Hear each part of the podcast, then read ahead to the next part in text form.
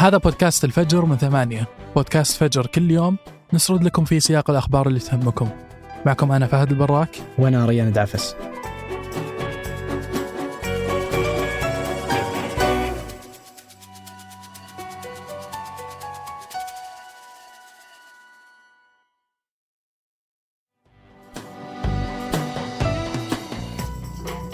دخل الحصار الجديد اللي فرضه جيش الاحتلال الإسرائيلي على قطاع غزة يومها العاشر. هو حصار يزيد من الأزمة الإنسانية اللي يعيشها الفلسطينيين في غزة من أكثر من 15 سنة. واللي ضاعف المعاناة هو استمرار النزوح الداخلي للفلسطينيين واللي تجاوز عددهم مليون شخص بعد الهجوم والقصف الإسرائيلي العشوائي على القطاع. ورغم تحذيرات المؤسسات الدولية من كارثة إنسانية من النقص الحاد في المواد الغذائية وانقطاع المياه والكهرباء ونفاذ مخزون الطاقة تستمر إسرائيل في قصف المناطق المدنية والمستشفيات والمدارس والمناطق السكنية بالأسلحة المحرمة دوليا مثل الفسفور الأبيض. وهو الشيء اللي خلف أكثر من 2800 شهيد فلسطيني وأكثر من 10,000 جريح حتى الآن.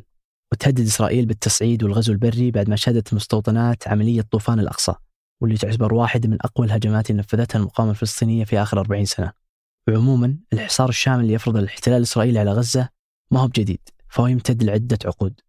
فجذور التضييق الأمني والعسكري والحصار الاقتصادي على القطاع ترجع الحرب 1967 بين إسرائيل ومصر وسوريا. وهي السنة اللي قدرت فيها إسرائيل أنها توسع من احتلالها للأراضي الفلسطينية. لكن أشد فترات الحصار قسوة هي اللي بدأت بعد فوز حركة المقاومة الإسلامية حماس في الانتخابات التشريعية في يناير 2006 بعد حصولها على أغلبية ساحقة في مقاعد المجلس التشريعي الفلسطيني واللي تزامن مع نجاح المقاومة في أسر جندي إسرائيلي اسمه جلعاد شاليط. وشرع الاحتلال من وقتها بتنفيذ إجراءات حصار شاملة في البر والبحر والجو.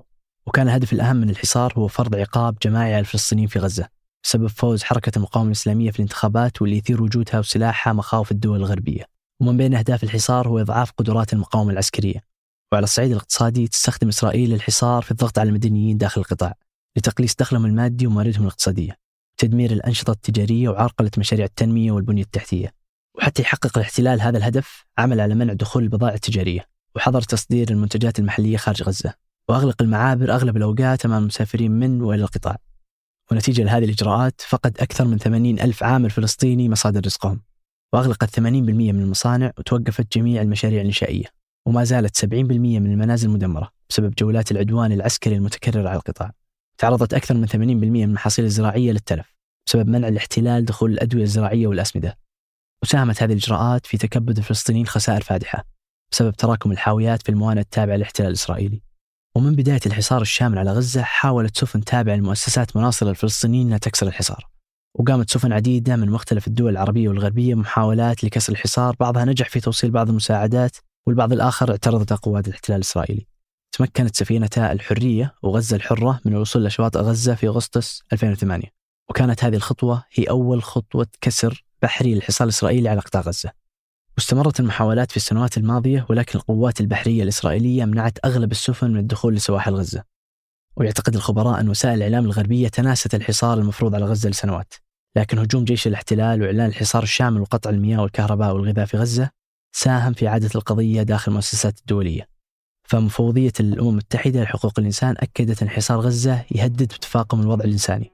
ومن فرض حصار شامل جديد يخالف القانون الدولي ويرقى لجريمة حرب. وأن إسرائيل تستخدمه كورقة عقاب جماعي بعد ما نجحت المقاومة في اختراق عشرات المستوطنات الإسرائيلية في عملية طوفان الأقصى.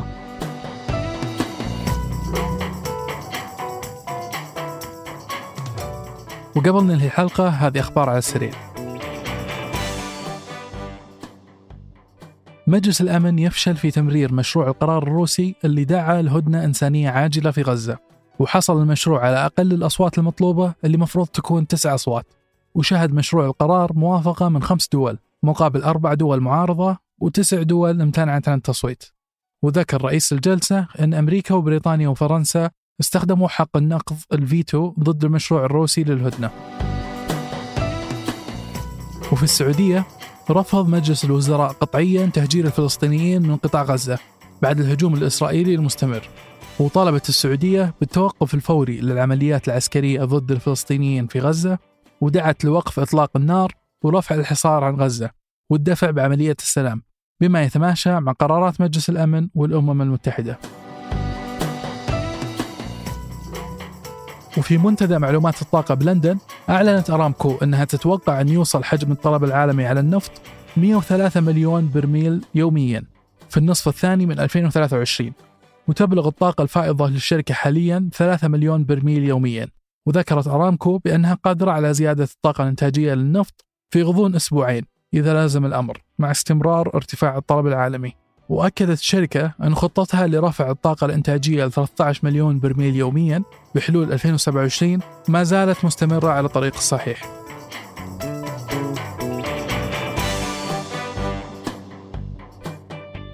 أنتج هذه الحلقة تركي بلوشي وريناد العيسى. قدمتها أنا ريان دعفس. وأنا فهد البراك. حررها محمود بندى نشوفكم بكرة الفجر.